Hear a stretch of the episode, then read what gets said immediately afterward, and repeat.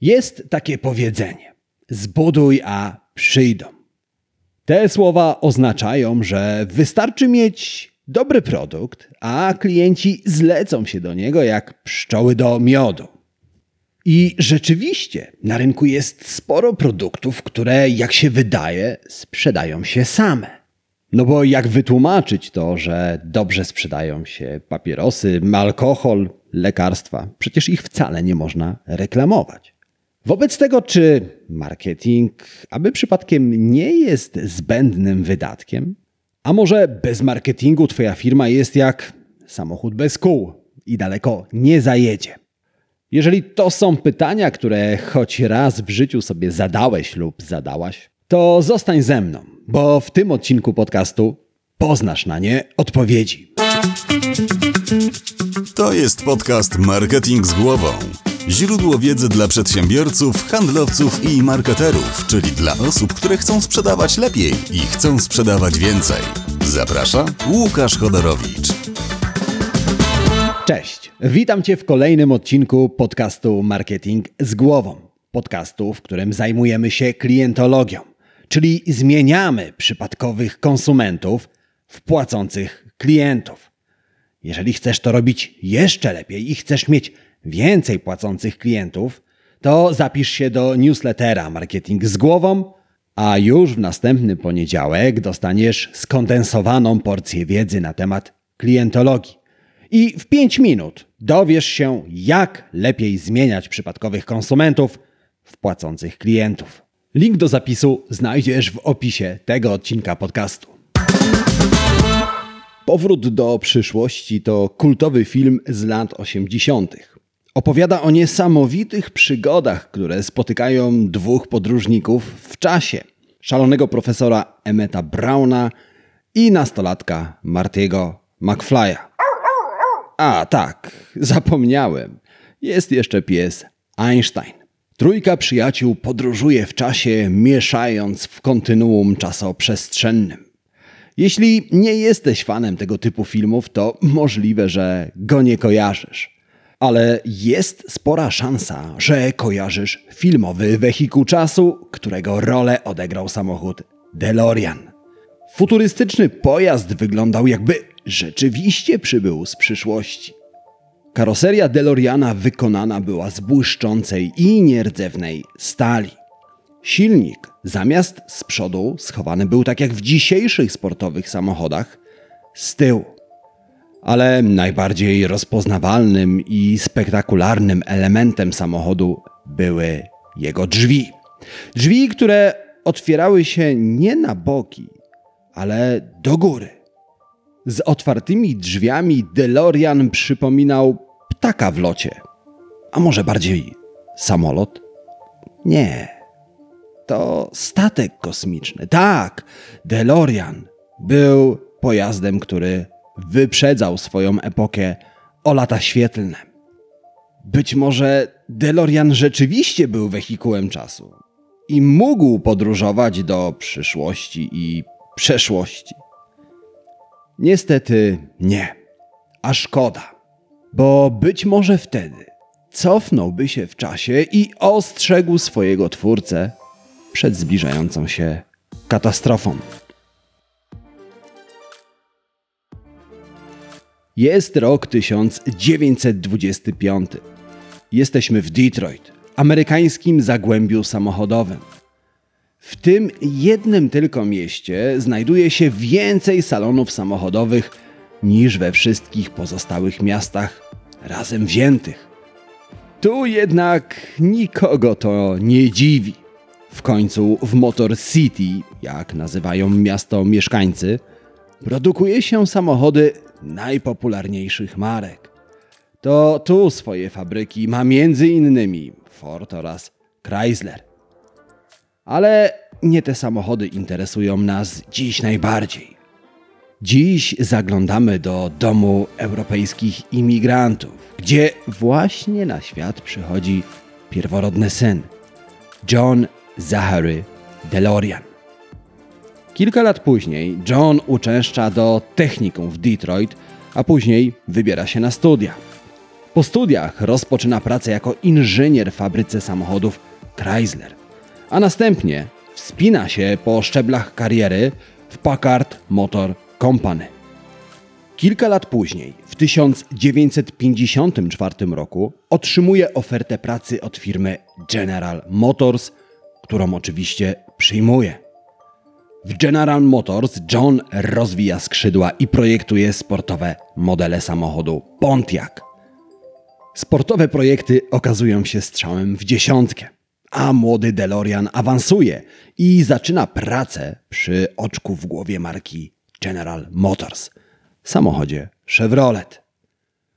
Kilka lat później John dochodzi do wniosku, że jego kariera zastygła w miejscu. Odchodzi więc z pracy na etacie i zakłada własną firmę. DeLorean Motor Company. I tak, rok przed premierą filmu Powrót do przyszłości rozpoczęto produkcję kultowego samochodu DeLorean DMC-12. Samochód ma wszystko, czego trzeba, aby odnieść sukces. Futurystyczny wygląd, który kusi nie tylko fanów motoryzacji. Otwierane do góry drzwi, które w tamtych latach miał również najlepszy model Mercedesa. Nierdzewną karoserię, odporną na korozję i zadrapania. Wytrzymały silnik, który zapewnia samochodowi sportowe parametry. Nic więc dziwnego, że wiele z samochodów DeLorean przetrwało ponad 40 lat. Są to więc samochody niezwykle wytrzymałe. Jednym słowem, DeLorean DMC-12 jest skazany na sukces. Jeżeli wierzysz, że dobre produkty sprzedają się same.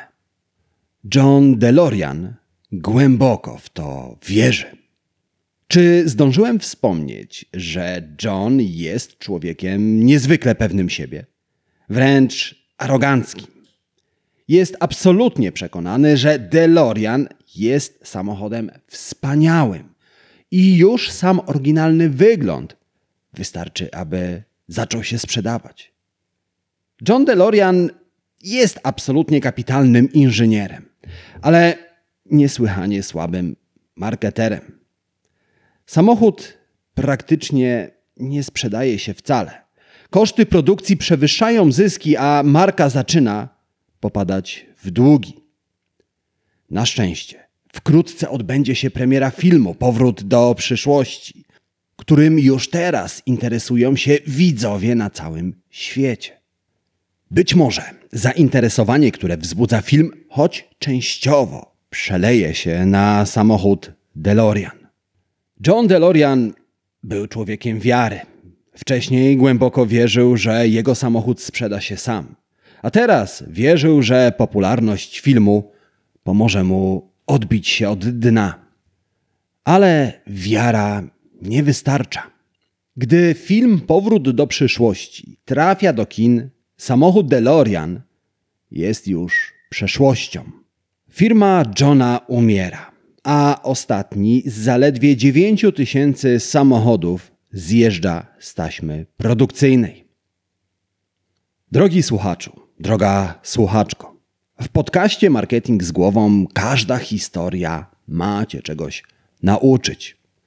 I tym razem lekcja jest oczywista. Nawet najlepszy produkt, nawet kapitalna usługa nie sprzeda się sama. John DeLorean przekonał się o tym boleśnie. Ty na szczęście nie musisz popełniać tego samego błędu. Wystarczy, że posłuchasz do końca dzisiejszego odcinka. Zacznijmy jednak od tego, z czego w ogóle bierze się to błędne przekonanie, że dobry produkt sprzeda się sam. Żeby to zrozumieć, musimy porozmawiać o dwóch mitach, w które wierzą przedsiębiorcy. Pierwszy to mit miłości.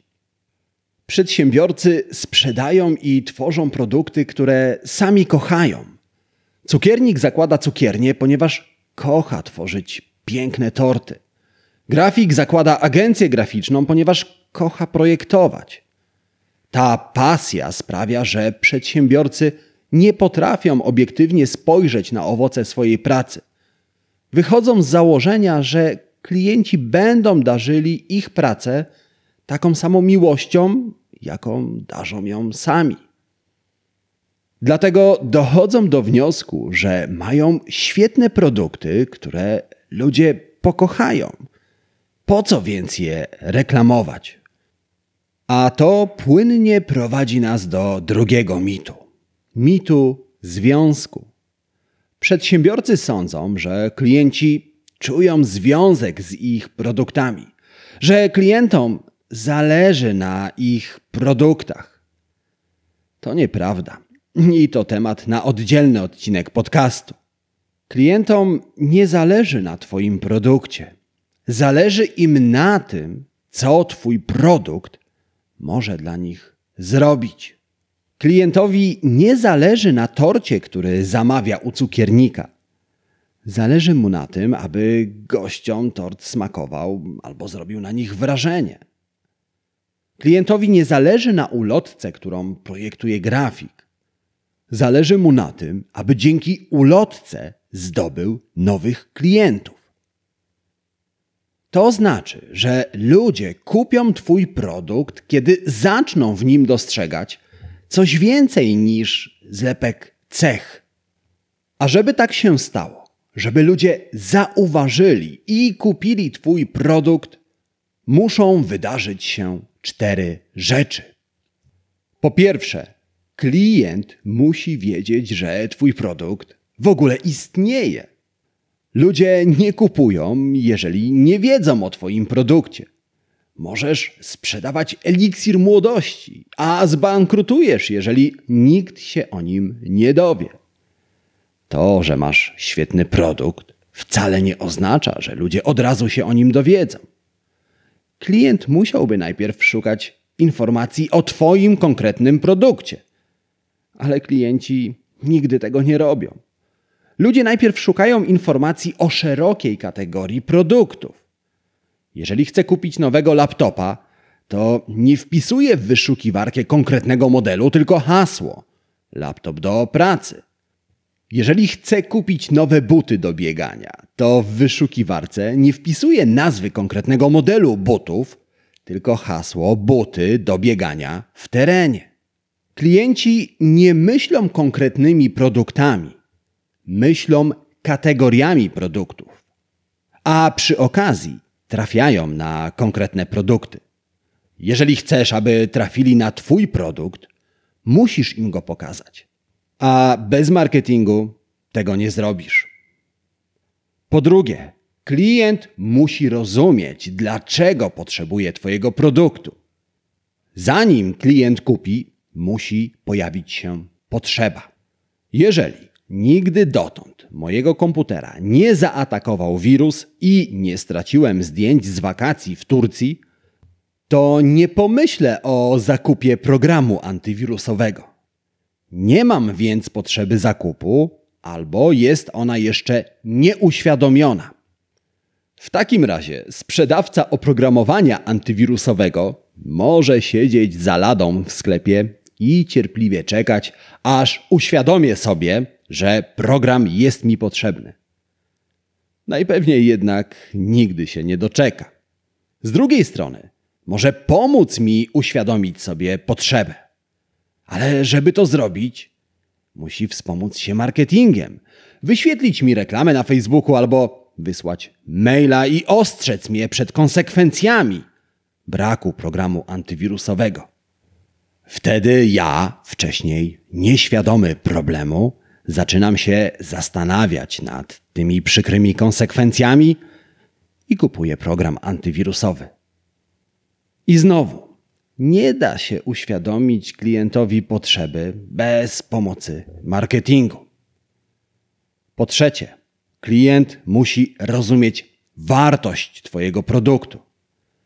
Skoro sprzedajesz świetny produkt, to na pewno nie chcesz sprzedawać go zbyt tanio.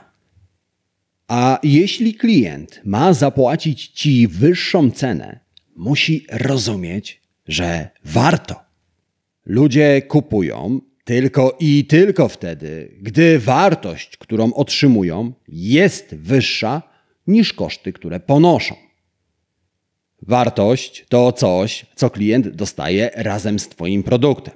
Wygoda, oszczędność czasu, nowi klienci, więcej pieniędzy itd. Tak Koszty to coś, co klient musi poświęcić, aby dostać Twój produkt. Najczęściej będą to pieniądze. Klient kupi, jeżeli słupek wartości będzie wyższy niż słupek kosztów. Aby wpłynąć na to równanie, masz dwie możliwości. Po pierwsze, możesz obniżyć cenę swojego produktu, a po drugie, możesz podnieść jego wartość. Zakładam, że pierwsze rozwiązanie niezbyt Cię interesuje.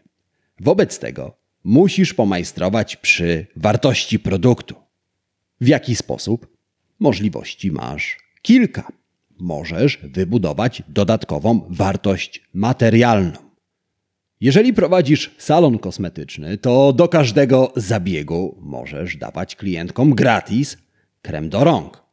Ale w tym wypadku ponosisz pewne dodatkowe koszty i zamiast zarabiać więcej, okazuje się, że zarabiasz mniej. W takim razie, skoro nie dodatkowa wartość materialna, to co? Możesz nic nie zmieniać w swojej ofercie, ale zamiast tego musisz zmienić to, jak klienci ofertę postrzegają. Czyli musisz wybudować wartość postrzegalną. Zastanów się, jaka jest różnica pomiędzy jabłkiem a jabłkiem zerwanym z drzewa specjalnie dla klienta. Taka, że pierwsze jabłko jest zwykłe, a drugie jest jabłkiem, za które klient zapłaci więcej. Wartość postrzegana to coś, co dzieje się nie wokół produktu, a w głowie klienta. Wartością postrzeganą jest myszka, która idealnie dopasowuje się do dłoni użytkownika. Wartością postrzeganą jest restauracja, idealna na biznesowe spotkania. Wartość postrzegana zmienia sposób, w jaki klienci postrzegają Twój produkt i sprawia, że bardziej go cenią. Jednak, aby w głowie klienta wybudować wartość postrzeganą, potrzebujesz marketingu. Żeby klient uwierzył w wartość postrzeganą i kupił Twój produkt za wyższą cenę, nie wystarczy po prostu powiedzieć: Hej, ta myszka idealnie dopasowuje się do dłoni. Potrzebujesz marketingu. I po czwarte, żeby klient kupił Twój produkt, musi rozumieć różnicę między Twoim produktem a produktem konkurencji. Nawet jeżeli masz kapitalny produkt, na rynku prędzej czy później znajdzie się ktoś, kto sprzedaje to samo albo coś lepszego. A gdy klient porówna Twój produkt do podobnego produktu konkurencji, to w myśl zasady, jeżeli nie widać różnicy, to po co przepłacać? Wybierze produkt tańszy. Jeżeli postawię przed klientem dwa jednakowe kubki z kawą w tej samej cenie, to klient nie zobaczy różnicy i będzie mu wszystko jedno, którą kawę kupi. W takim razie, co mogę zrobić, aby przekonać klienta do zakupu właśnie mojej kawy, mojego produktu? Bez marketingu niewiele.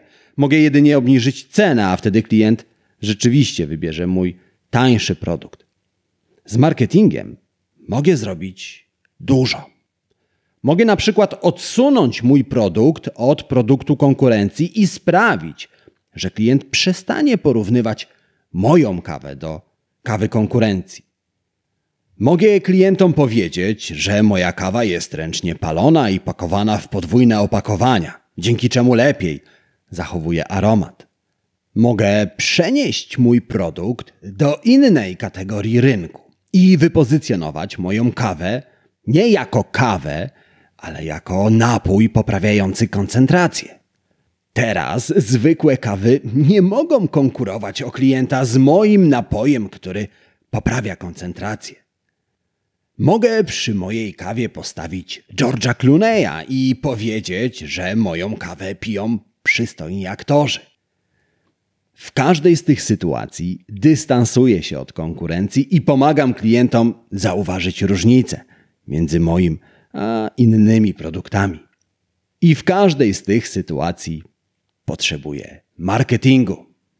Drogi słuchaczu, droga słuchaczko, jeżeli wcześniej nie było dla ciebie jasne, że dobry produkt nie wystarczy, aby odnieść sukces, to jestem przekonany, że po dzisiejszym odcinku podcastu doskonale to rozumiesz.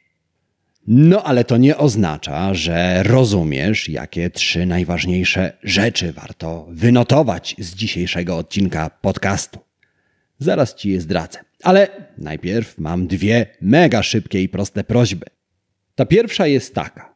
Jeżeli znasz kogoś, kto wierzy w to, że dobry produkt wystarczy, aby odnieść sukces, udostępnij mu albo jej ten odcinek podcastu.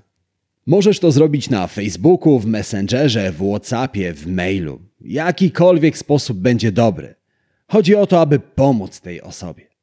Ale chcę Cię poprosić o coś jeszcze. Jeżeli ten odcinek podcastu przydał Ci się i w jakiś sposób Ci pomógł, zatrzymaj się i wystaw recenzję pod podcastem Marketing z głową. Te dwie rzeczy naprawdę zajmą ci kilka sekund, co jest niczym w porównaniu do 8 godzin, które poświęciłem na nagranie tego odcinka. Poza tym, dzięki temu, co zrobisz, wiedza z tego podcastu dotrze do osób, które jej potrzebują. No dobrze, ale jakie to trzy najważniejsze rzeczy warto dzisiaj wynotować i zapamiętać? Tą pierwszą i oczywistą jest to, że nawet dobry produkt nie sprzeda się bez pomocy marketingu. Po drugie, pamiętaj, że aby klienci kupowali Twoje produkty, wydarzyć się muszą cztery rzeczy. Ludzie muszą wiedzieć, że Twój produkt istnieje, muszą rozumieć, dlaczego potrzebują Twojego produktu, muszą rozumieć jego wartość i muszą znać różnicę między Twoim produktem a produktem konkurencji. I po trzecie, pamiętaj, że nikomu nie zależy na Twoim produkcie, ale wszystkim zależy na tym, co Twój produkt może dla nich zrobić. Jeżeli to zapamiętasz i wdrożysz u siebie, to od razu zauważysz różnicę. I tego bardzo gorąco Ci życzę. Oprócz tego, oczywiście, życzę Ci udanego dnia, udanego tygodnia i przypominam, że my słyszymy się w kolejnym odcinku podcastu Marketing z głową marketingowego podcastu numer jeden w Polsce. Do usłyszenia. Cześć!